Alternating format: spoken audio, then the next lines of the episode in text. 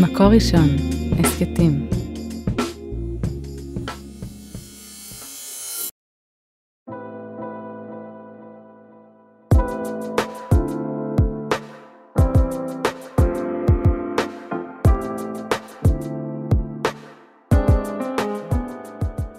שלום לכולם, כאן שירת מלאך בפרק חדש של ההסכת עד האהבה.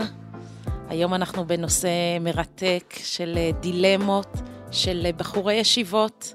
מה מעסיק בחורי ישיבות שיוצאים לדייטים בגילאים ככה של 22, 24, נמצאים בתוך אה, עולם ישיבתי.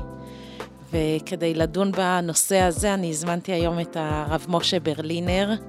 שלום הרב משה. שלום שירת. כן, הרב משה הוא עובד סוציאלי קליני, הוא עומד בראש מכון נתיבות, שזה מכון לטיפול אינדיבידואלי וזוגי, כמובן מעביר המון שיעורים והרצאות. עוד uh, כש... לפני 15 שנים, כשהתחלתי את דרכי בייעוץ לליווי רווקים, כבר אז הוא היה אוטוריטה, ולאחרונה הוצאת הספר כי תבנה בית, מדריך לחיי נישואין. שמה זה הספר?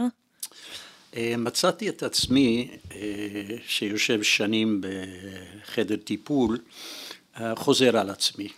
כי הרי זוגיות זה משהו, וכל זוג כמובן, כמו כל אדם, הוא מיוחד, אבל זוגיות זה משהו. ולכן לעשות את זה נכון, חייבים להתמודד עם סוגיות דומות. כל זוג צריך להתמודד. איך שהם מתמודדים זה ודאי אינדיבידואלי. אבל מצאתי שיש כללים. אני, אחת האמירות היפות אה, שלי במשרד זה זוג ללא כללים זה זוג עם קללות. צריכים להבין איך לבנות את הדבר הזה. ובגלל שעלינו על אה, מוקדים מסוימים מרכזיים, שהצמתים, ששם הזוג יכול להתמודד ולעלות מעלה-מעלה, או אם לא, אז זה עלול להת... להפוך להיות דלקת. ליצור סדקים. בדיוק. כן. ופה בספר, אני, אני אומר לחבר'ה, תקראו את הספר. אני מתחיל עם האמירה לא להאמין באף מילה, כי זה לא אמונה. אמונה זה בית מדרש. אבל בספר אני נוגע ברוב ה... ה הדילמות הקלאסיות של זוג ומציע פתרונות אה, אפשריים. כן, אני כבר יכולה לעשות פרומו לפרק נוסף שאנחנו מקליטים ביחד על אה, התמודדויות בתקופת אירוסין ובתחילת נישואין, ואז גם נרחיב על הדברים. וככל שזכור לי, אתה היית יועץ הרבה שנים בישיבה, התחלת בישיבת בית אל ועברת לישיבת, לישיבות אחרות. אם אתה יכול קצת לספר מאיפה זה נולד הרעיון הזה? ישיבת בית אל, הישיבה הגבוהה, אנחנו מדברים על בחורי ישיבות. טוב, זה בזכותו של הרב זלמן מלמד, איש עם אופק אדיר. אה, לפני הרבה שנים אה, בעצם התבקשתי לעזור ביישוב, היו כמה אירועים לא, לא פשוטים והתבקשתי להיות שם ואז הוא הזמין אותי ל, לישיבה ולהתחיל לשבת עם בחורים והיה שידוך מצוין ולשנה הבאה הוא הזמין אותי לשבת אה, פעם בשבוע בבית מדרש כחלק של הצוות. זה עזר שאני גם מוסמך רבנות, כך שגם העברתי שירים, אבל הייתי חלק של, ה... של הצוות. זאת אומרת, ש... לא היית גורם חיצוני. בדיוק. וזה אפשר לבחורים עם התמודדויות לגשת אליי בלי לקבל סטיגמה. או נשלחו, הם נשלחו לפסיכולוג שבמיוחד אז היה סטיגמה. אז אה, ברוך השם היה שידוך, שידוך טוב, כן. גם לי. ואפרופו סטיגמה, יש סטיגמה על, אה, בכלל על ישיבות, שיש משהו בהתפתחות של העולם הנשי, שהוא אה, יותר מודע ויותר מתפתח, ושהעולם הישיבתי כופה על שמריו. אפילו אני יכולה גם להגיד שאני מוזמנת להמון מדרשות ו... אה, להעביר ככה הרצאות, ולשתי ישיבות. אה, אני אפילו אציין את שמם, ישיבת מעלות וישיבת מחניים, אבל תמיד אני באמת תוהה האם יש להם אלטרנטיבות גבריות ולכן זה לא קורה. איך אתה רואה את זה? אה, יש זוויות שונות. קודם כל, יש ישיבות ויש ישיבות. ויש כאלו שמאוד מאוד עובדות על ההתפתחות האישית של, ה, של הבחור. הרבנים עברו השתלמויות, הם מאוד יד על הדופק מה קורה אצלם. אבל זה מאוד חשוב לדעת שהמגמה העיקרית של ישיבה זה ללמד תורה. שהבחורים יתמלאו עם, עם, עם תורה והם יהפכו, יהפכו את עצמם לתלמידי חכמים, ליודעי ספר. עכשיו, ברור שבתקופה הזאת זו תקופה גם של הכשרה להמשך, לנישואין, והדבר הזה בכל ישיבה מקבל התייחסות. אבל אני חושב שההתייחסות והעומק בישיבות, אני מתאר לעצמי שזה לא כמו במדרשות ואצל אצל מקומות של נשים. בעולם הנשי. אבל זה כבר באמת מכניס אותנו לשיח שלנו על דילמות של בחורי ישיבות בתקופת הפגישות. אפילו אני חושבת שבעולם הישיבתי לא משתמשים במונח דייטים, אלא במונח פגישות. ואם נתחיל ממש בבסיס, ההוויה של עולם ישיבתי היא הוויה שכולה באמת ממוקדת בנושא הזה של תורה, בתובענות אה, פנימית גבוהה, בלמידה ויכולת אינטלקטואלית. והעולם הרגשי הוא פחות נוכח, כמובן גם בין גברים העולם פחות נוכח. ואז בחור ישיבה קלאסי, שעבר את המסגרות הדתיות-לאומיות הקלאסיות, שמ... מהיסודי הוא כבר לומד בנפרד, ואחר כך ישיבה תיכונית, ועכשיו צבא אולי, ועכשיו אנחנו פוגשים אותו ב, או בסוף ישיבת ההסדר, או עדיין בישיבה גבוהה, והוא פוגש אישה, ומה קורה שם לדעתך? כן, טוב, קודם כל אה, הסתייגות, אין כזה דבר מה קורה, זה מה קורה עם כל בחור. אנחנו מדברים על הכללה, אז לכן, אז, אה, אבל עם ההקדמה זאת הקדמה הזאת... חשובה, כי אה, אתה חזרת ואמרת לי כמה פעמים שהפתרון לדברים הוא אינדיבידואלי. מאוד מאוד, ויש איזושהי בעייתיות של אמירות כלליות, שבחור לוקח את זה כאילו זה תפור עליו. זה תפור בכלל, אבל ייתכן אצלו זה משהו אחר, וכמובן כל מי שמייעץ חייב את הרגישות של התפירה לבחור שיושב מולו.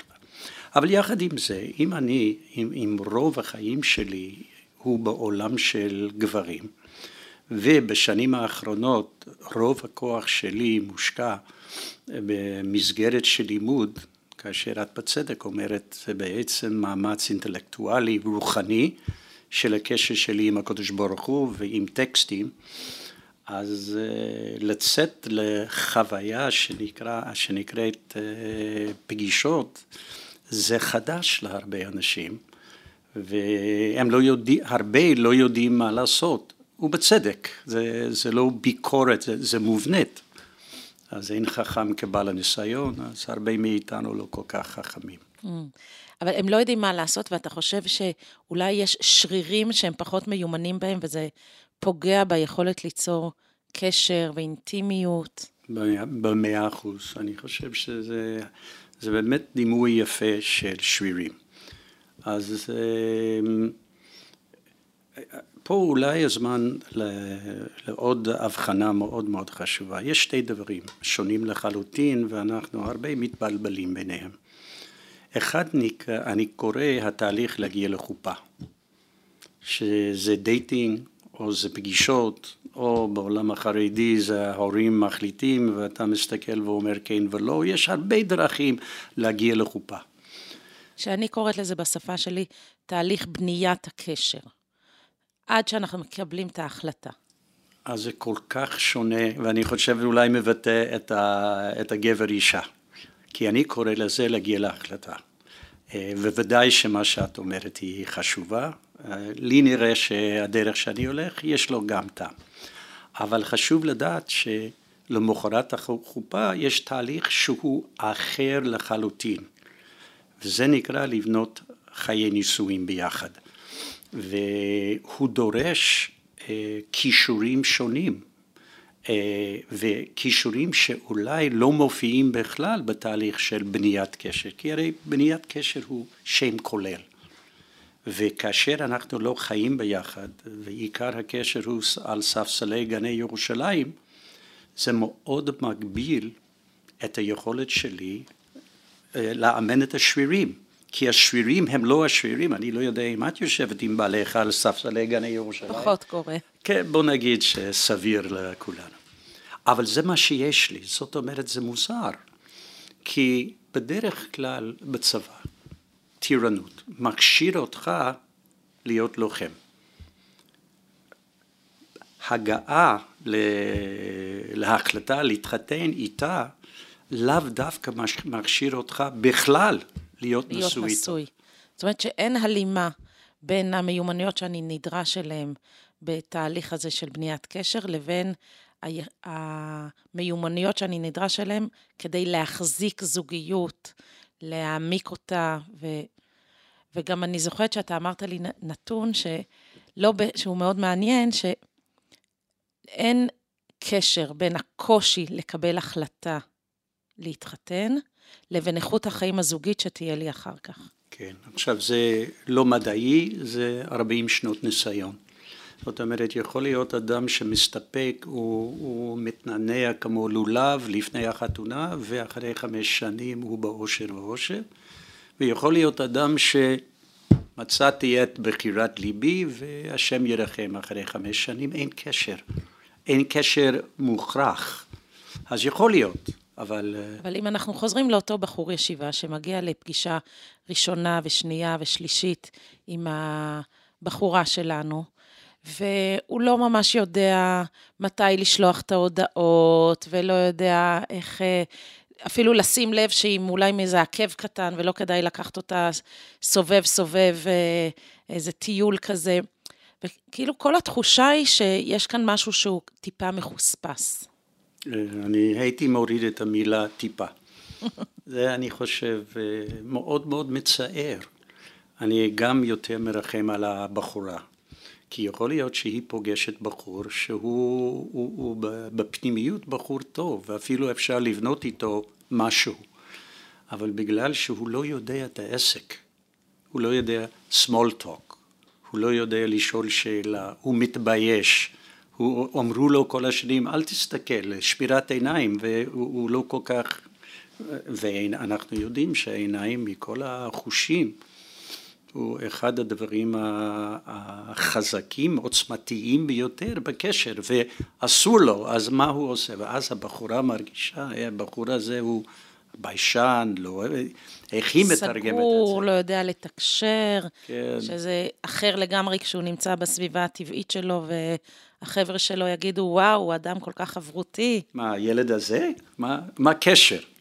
ואז מה אתה מציע לכזה בחור שמגיע אליך ואומר, אני לא יודע, יש איזה פער, אני לא מצליח אה, לחצות את מחסום שלושת הפגישות, אה, נפרדים ממני. אה, שיקבל עצה. שיקבל עצה מאבא, מאימא, מאשת מקצוע, מרבנים בישיבה, מחבר, מחברותא שלו. זאת אומרת, הוא בעזרת השם אה, יתמקצע מהר. ושוב, אני קצת מרחם על הראשונה והשנייה, שהיא בעלת הניסיון. וכשהוא מגיע אליך, מה העצה שאתה נותן?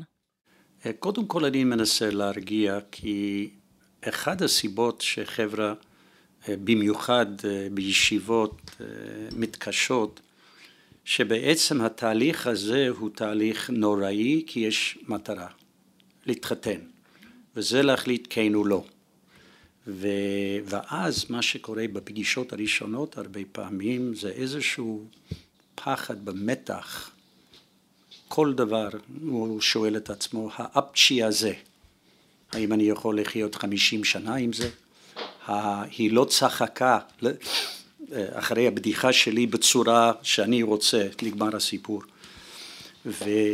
זאת אומרת שהם כל אה, התנהלות או התנהגות בתוך הקשר, הם מיד מתרגמים אותה לשאלה, האם זאת יכולה להיות אשתי? כן, וזה דבר נורא, וחוסם אותו הרבה פעמים. אני מאוד אהבתי מה שאת אמרת. אם הוא אומר, בנייה, אם, אם הוא אומר אני הולך לבנות, האם יש חומר גלם שאפשר לבנות, יכול להיות שזה עוזר, אבל הטיפ שאני נותן לו זה טיפ כזה. אני אומר לו, אה, בעצם, אה, אה, לא, אני אומר לו כזה דבר, אתה לא פוגש אותה לחשוב ולשקול אם היא זאת אשתך בעתיד. אתה פוגש אותה כעיתונאי חיובי, אם אתה פוגש אותה ברור, ברור שהיא בחורה נהדרת. כי מי היה משדך אותך עם בחורה לא נהדרת? אלא מה? כל השאלה היא איזה סוג נהדרות יש לה.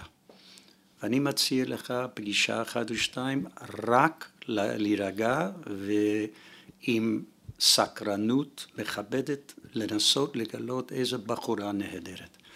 אחרי פגישה מקסימום שתיים ויש לך איזושהי הבנה מי הבחורה הזאת מבחינתך, אז לשאול אם מתאים לי או לא. ואם לא מתאים לי, אולי יש לך חבר בשיר שלך שכן. אבל אז אני לא, אני מנסה כמובן לנטרל את החתונה מחר עם בחורה כזאת, כי...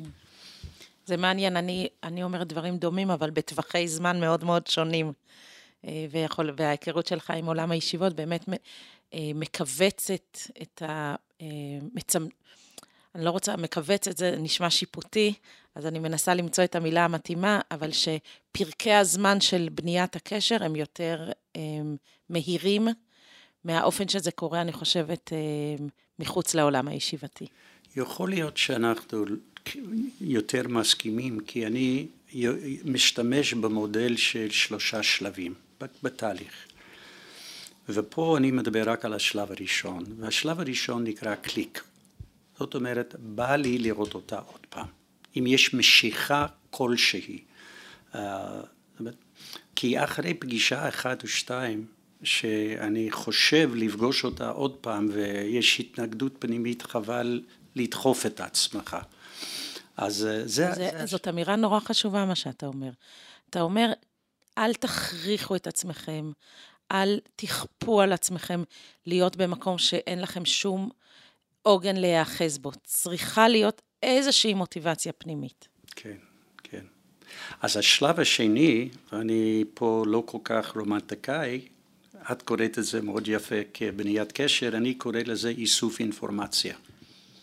זאת אומרת, אני, אני, אני מעוניין להגיע להחלטה. איסוף אינפורמציה, פירושו, אמ, אני חווה חוויה, חוויות איתה, ולאור החוויות אני חייב להסיק מסקנות. יש סיפור בחור ישיבה, אגב כל הסיפורים זה שקר גס כי שאף אחד לא ירגיש שהגיעו אליי, ו... אבל היה בחור ישיבה שבשיר ו' אמר אני שוקל אה, להתחיל לצאת. שאלתי למה עכשיו, למה לא, למה, אה? הוא אמר עד עכשיו הרגשתי שזה ביטול תורה. לא רציתי להתחתן, אמרתי יישר כוח עכשיו. אבל אה, שלא יהיה ביטול תורה, לא, לא, לא. אז הוא פוגש, אחר כך אני פוגש אותו ואמרתי, אה, טוב, איך היה? לא, לא יודע. לא, איך הייתה הפגישה? מה? איך הייתה הפגישה, שאלת כן, אותו, כן, שהוא התחיל לצאת סוף סוף. החוויה. כן. לא יודע. על מה חשבת ואיך הכנת את עצמך לפגישה? אה, לא הכנתי. אה. אחרי הפגישה, מה חשבת? מה ניתחת? איך העמקת את החוויה? הוא אומר, לא, לא, לא, לא חשבתי על זה. אז אמרתי לו, זה ביטול תורה. זה ביטול תורה. כי, כי התהליך חייב להיות, לדעתי, בשתי מובנים. תהליך שאני מוביל אותו, ותהליך של התפתחות טבעית. זאת אומרת, כל הזמן שתי המסלולים. שילוב של שני הכוחות האלה. כן, זה דבר מגמתי וחווייתי.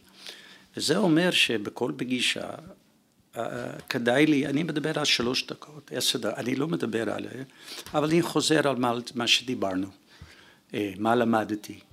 אה, ואז אני שואל מה הדברים שהיו טוב לי, בין היתר שיעלו בשיח היום.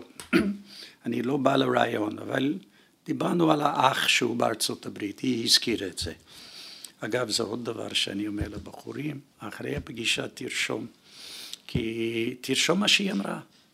כי הכבוד לבן אדם הוא שמה שהוא אומר הוא זכור, כי, כי זה ממש טיפ זהב.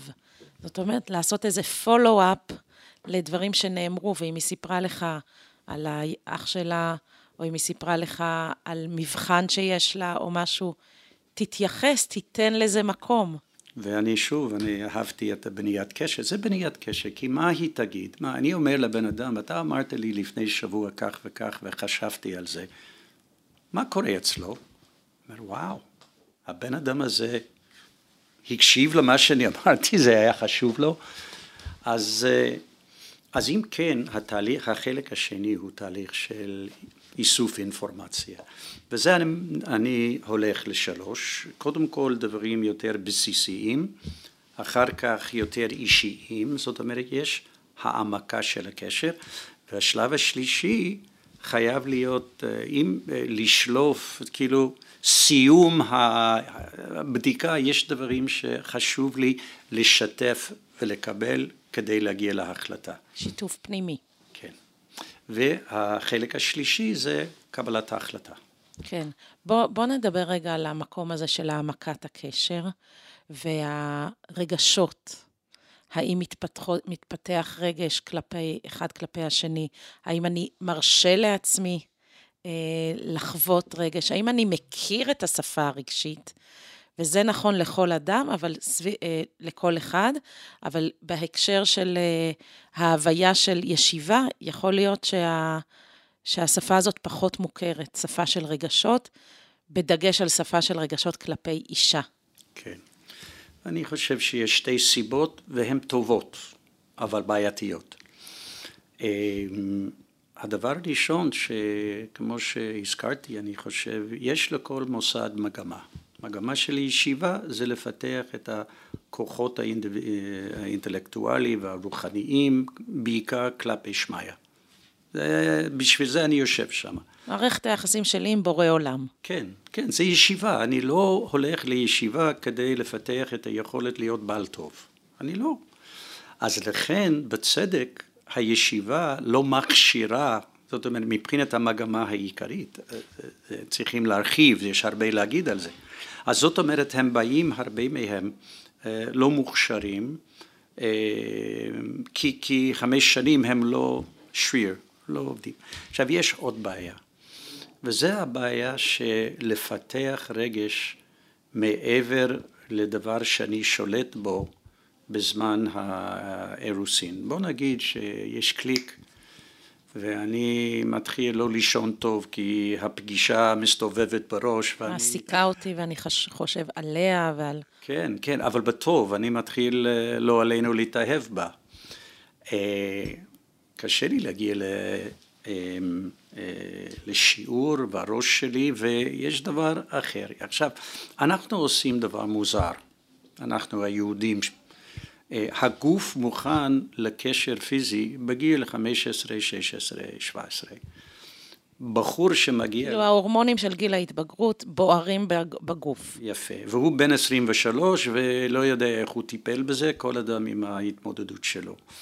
כאשר בחור בא אליי ואומר, יש לי בעיה של אה, התמודדות עם היצר, אני בדרך כלל אומר, ברוך השם, יהיה טוב לאשתך. כן, התמודדות של לך... אוננות או של... כן. בדיוק, וזה דבר שהרבה חבר'ה מתמודדים איתו. אז אני בא ואומר, טוב, ברוך השם. אם, אם לא, הייתי מודאג. אז בוא נעזור לך. המנגנון עובד, הגוף שלך פעיל. יפה. אלא מה, אני איתה, אני אוהב אותה. אני אפילו הולך להתחתן איתה. וזה 11 בלילה, והיא בחרה בדיוק הבושם שאמרתי לה אני אוהב. יואו, הוא לא רוצה. אבל הוא גם רוצה. היא לא רוצה, אבל היא גם רוצה. ו, ורוב המחקרים מראים ש... לא, אני לא מדבר על הצד ההלכתי, אני מדבר על כך שכאשר הרגש מתגבר, השכל הולך uh, כפות. ומאוד חשוב לשמור את הרגש במסגרת. עכשיו, עוד פעם, מה, מה הגבול, אני לא יודע, מה, אני, אני חדש, אני עם גלגלי עזר. זה מעלה לי באמת איזו הודעה שפעם אה, אפילו הפכתי אותה לאיזה אה, שקף במצגת ל, לרמים. שבחורה כתבה לי, אני רוצה שנתקדם, ודיברתי איתו על זה, והבחור שלי ענה לי, בינתיים אני בוחן את הכל בשכל, כשהכל יהיה, יתיישב לי כמו שצריך, אז אני אתן לרגש להתפתח. ואותה בחורה אמרה לי, אני לא מבינה את הדבר הזה, ההפרדה הזאת בין הרגש לשכל, הוא עוצר בעדו מלהרגיש כדי שהכל יתיישב לו בשכל. יש כזה דבר, קשר שהוא רק שכלי? אמ, טוב, הנה גבר, הנה אישה. אמ, יש שתי מערכות בגוף, בבן אדם, יש המערכת הטבעי. המערכת הטבעי זה רגש, דחף, אה, אינסטינקט, וזה הצד הטבעי שלנו. מעל זה יש את, ה, את השכל, את הבחירה החופשי, את, ה, את הדעת. אה, מעניין ש... אה, וזה הצד האלוקי שלנו. אז הפסוק אומר נעשה אדם בצלמנו. מה מהות הצלם? הרמב"ם אומר שכל. אבל אומר במשך חוכמה דבר מאוד מאוד חשוב. הוא אומר שאיזה חלק של השכל? הבחירה. בלשון העם, להחליט. עכשיו, שתי המערכות האלו לוחמות בי מי אני. כי אני מרגיש כעס, אני רוצה לסדר מחדש את הפנים שלו. זה מה שהטבע רוצה. אבל השכל צריך להגיד, אידיוט, הוא יסמדק, שתי מטר, אל תעשה את זה, תהיה בשערי צדק איזה חודש. זאת אומרת, הרעיון שהרגש, וזה כאילו נושא מאוד עמוק, הרגש חייב להופיע, הוא חייב להופיע בצורה הנכונה. אז מה הצורה הנכונה? קודם כל כאינפורמציה. אני חייב לדעת שאני אוהב אותה, אז שאני מרגיש אהבה כלפיה. אני, אני, זה ללמד אותי, אם אני סוגר את הרגש, אני עיוור. אין לי את ה... אני לא מבין. ויחד עם זה, אני צריך להקשיב תמיד לעצה של הרגש, כי הרגש אומר, תחבק אותה. זה מה שהוא דוחף אותי לעשות. עכשיו, אם הרי השכל לא מספיק חזק, הוא לא יוכל להגיד לא. כי כאשר כל רגש עובר את הגבול בעוצמתו, עוצמתו הוא ממלא את החלל. הוא, אני, אני אומר את זה אחרת, אבל זה mm-hmm. אותו הדבר, שהוא לוקח את השכל בן ערובה. בן ערובה. והוא מייצר בשם השכל תירוצים. נכון אני הרבצתי לה, אבל היא שרפה לי את האוכל. מה? מה הקשר? אבל אצלו השכל הוא שכר חרב של הרגש. לכן אותו בחור, אז לדעתי נשמע לי הגזמה. Mm.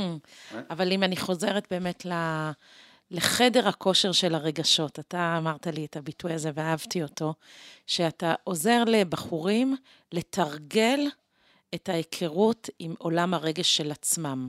Mm-hmm. אתה יכול להרחיב לנו על זה? יש סיבות שונות מדוע אדם לא משתמש ברגש בצורה מתאימה לו. יכול להיות טבע, כן? יכול להיות אה, נרכש, מולד, אה, בבית, יכול להיות שהוא עבד על עצמו, יכול להיות שהוא... אה, כל מיני סיבות. יכול להיות גם שילוב, שהעולם הישיבתי מתלבש על נטיות אישיות או על. רגשות שאנחנו לא רוצים לפגוש אותם. במאה אחוז. אבל בואו ניקח את, ה, את הבחור המצוי, לא בעייתי. אז אה, יש דבר פיזיולוגי. אה, המוח מקבל כ-60 מיליון גירויים כל שנייה, והוא מסוגל לעבוד במודעות על 60. זאת אומרת, יש אין סוף של דברים שמסתובבים אצלנו שאנחנו לא ערים להם. אלא מה? אם אני, ב... הדעת, השכל, המודעות, המיקוד, זה דבר שאני יכול לעבוד על שליטה. אני יושב בישיב, בישיבה, אני לומד סוגיה, זה קשה. אני, זה קשה לגוף, זה קשה לשכל, אני דוחף את עצמי, והעולם שלי, השישים פריטים, אני רגיל להשתמש בפריטים ששייכים לעולם שלי.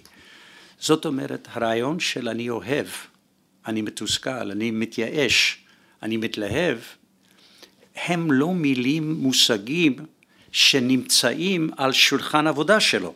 הם לא זמינים לי בכלל. בדיוק, אבל הם קיימים. בדרך כלל, אלא אם כן יש בעיה, הם קיימים. הם צריכים עיסוי. איזה מילה השתמשת? שריר. ולכן התרגילים של לעזור לבחור, אני שואל אותו, אני נותן לו תרגילים, אני נותן לו רשימת אה, רגשות, אני אומר לו לשבת חמש דקות כל יום, שזה המון, לקחת רגש שהוא רוצה להכיר, לעצום עיניים ולחשוב על משהו שעבר שהוא הרגיש את זה, או, כן, היום הוא אומר, שיגיד לעצמו, אני, אני מרגיש אכזבה כאשר, או שהוא ידמיין מה יביא לו אושר או אכזבה, וכ... או אכזבה, או כל רגש, וככה בעצם זה העיסוי, זה מתברר שזה מתחיל להיות על שולחן עבודה, ואז הוא מתחיל... תרגול של, תרגול של מודעות למנעד רגשות, למפגש עם הרגשות, משהו שבהתחלה הוא אה, פרקטיקה שהוא, שהיא חיצונית לו, אבל לאט לאט אתה אומר, המודעות, שמתוך ה-60 דברים שמונחים לו על השולחן, אז פתאום 50 הם קשורים לסוגיה ועשרה מהם קשורים גם לרגשות אולי. מאה אחוז, ואז הוא יכול לבחור בהם בדייט, אה, בפגישה. אז אה, למה הדבר דומה? קורה לי, בטח קורה לך ואחרים, שלפעמים אני בשיחה שומע מילה שאני כבר עשר שנים לא שמעתי, וזו מילה מדויקת למשהו. עשר שנים אני לא שומע את המילה. בהמשך השבוע ובשבועות הבאים המילה הזאת מופיעה ארבע פעמים. אבל זה עשר, מדוע? כי זה קפץ מתת מודעות למודעות, הוא נמצא על שולחן העבודה. בדיוק קרה לי עם המילה משאלה. מעניין, אני ככה העברתי איזה זום לאימהות לרווקים, ומאז שאני ככה, עם המילה משאלה, אני פוגשת אותה מכל עבר. כן, כן. זה בדיוק עם רגש, במיוחד אם הוא מקבל פידבק חיובי, או הנאה אישית, או תועלת. ככה אנחנו שומרים דברים שעוזרים לנו, כן, וזורקים דברים שלא. זה הד מהמציאות, כן. בוא נדבר רגע גם על הנושא אה, של מראה ושל אה, מציאת חן, שמצד אחד כבר אה, חז"ל אמרו שאולי, שחתן לא יכול לישא אישה עד שלא יראנה, אבל יש גם את הקול האחר של אל תסתכל בקנקן, ואולי זה לא מספיק תורני או רוחני, אם אני נותן לזה משקל. איזה שיג ושיח סביב הסוגיה הזאת. הן אמירות מסוכנות לחלוטין, כי הן כלליות. האמירה של אל תסתכל בקנקן זה דבר נפלא, ערכי, אבל אני לא אגיד לבחור שלא אוהב איך שהבחורה נראית את הדבר הזה ולהגיד לך תתחתן, שאני אתחתן איתה, אבל לא הוא.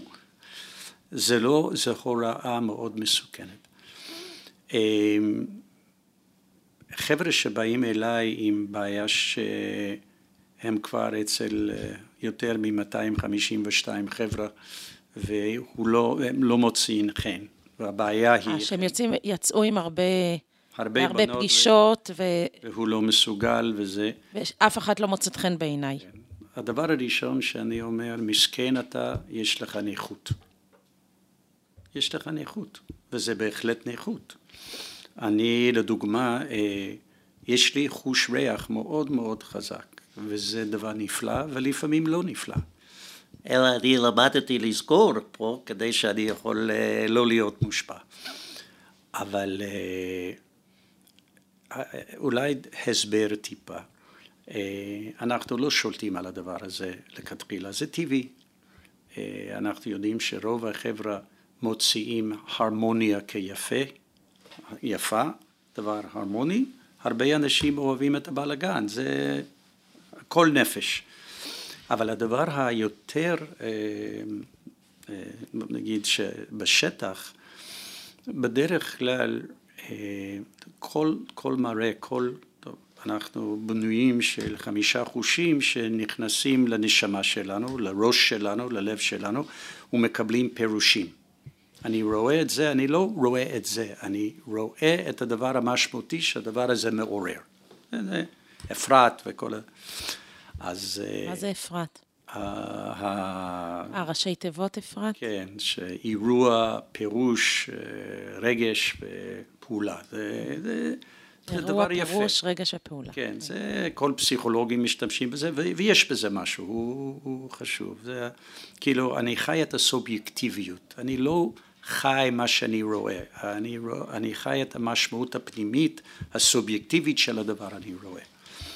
אבל מתברר שכאשר אני לא מכיר אדם, אני פוגש אותו בחיצוניות, אז uh, החיצוניות קובעת את העולם הפנימי שלי. יש uh, מחקר מרתק, מראים לגברים תמונות של נשים יפות, ושואלים אותם מה המידות שלהם. כן, איזה מידות אתם מייחסים לתמונות של הנשים היפות? זה יותר יפה מה שאת שואלת. לא, הם שואלים מי הן.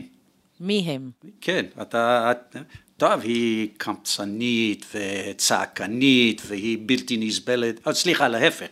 היפות הן צדקניות ונדיבות והכל. טובות לב. יפה. ואישה שהקדוש ברוך הוא לא בירך אותה עם יופי חיצוני, אז שואלים מה, וזה בדיוק להפך. עכשיו, זה דבר מאוד לא פייר, אבל ככה אנחנו בנויים. אלא מה? בדרך כלל, במידה מאוד גדולה, היחס משתנה כאשר אני מכיר אדם. אני מכיר אישה שהיא נדבנית, נותנת, אוהבת, אז אני מסתכל עליה ואני מתמלא עם תחושה של חום וקשר ויופי. לא היופי החיצוני הרומנטי, אני לא מדמיין, אבל הפנימיות מגדירה את החיצוניות. אז אה, אני יכול להגיד את זה לבחור. אז אותו בחור שאתה אמרת עליו, יש לך נכות, יצאת כבר עם 200 בנות, ואף אחד אה, לא מוצאת חן בעיניך, אז הנכות היא בכך שהוא מיד אה, מכריע לפי המודל החיצוני ולא נותן לעצמו את ההזדמנות להכיר את המידות שלה, את האיכויות שלה.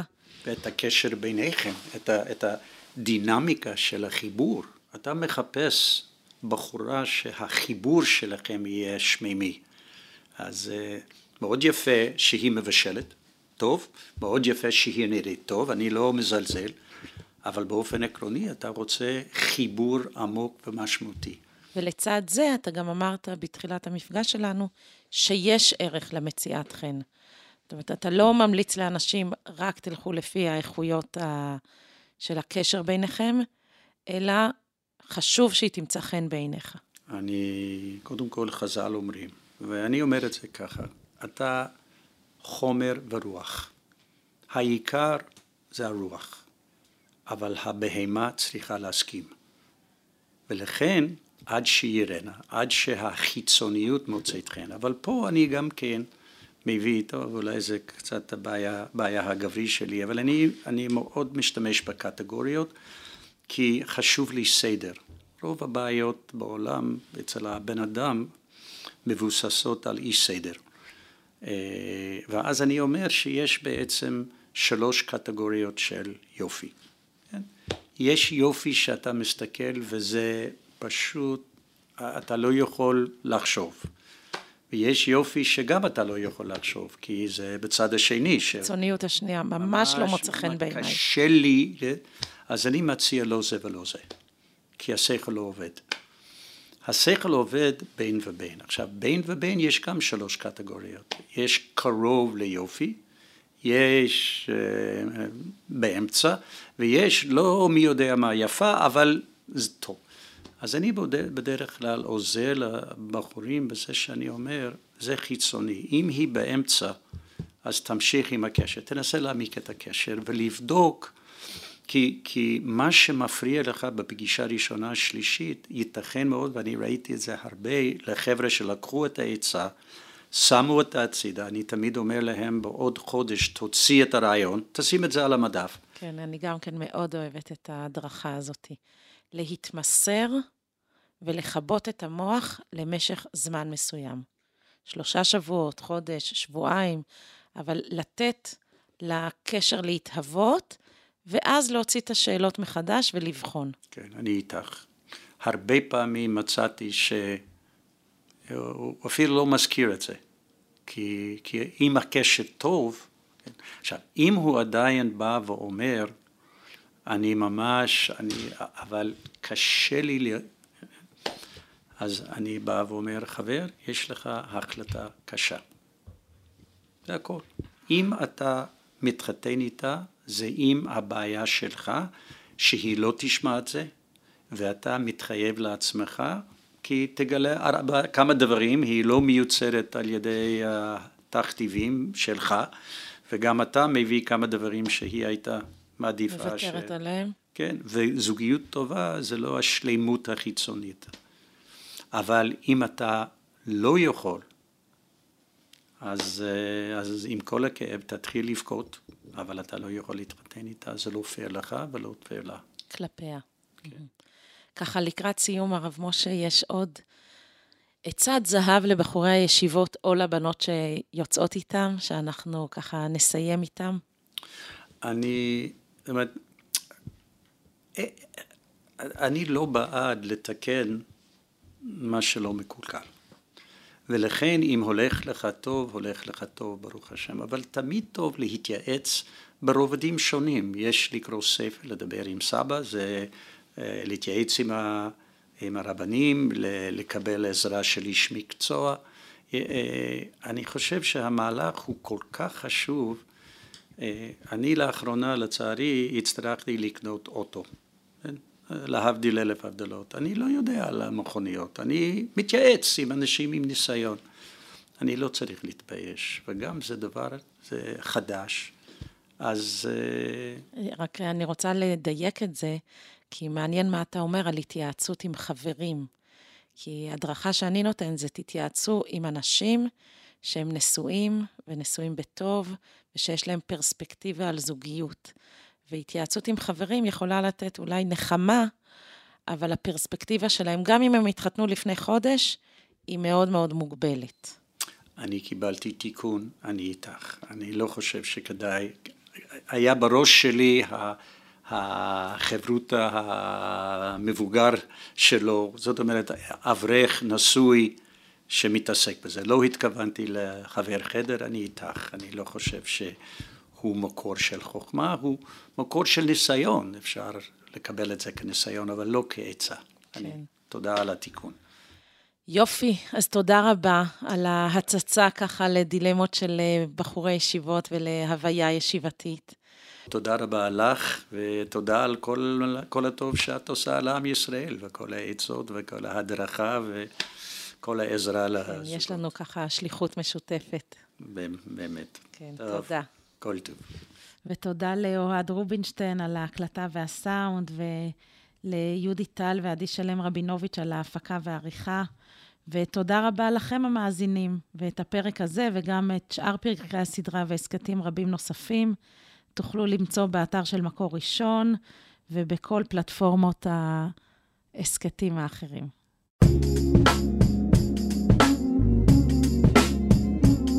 מקור ראשון, הסכתים.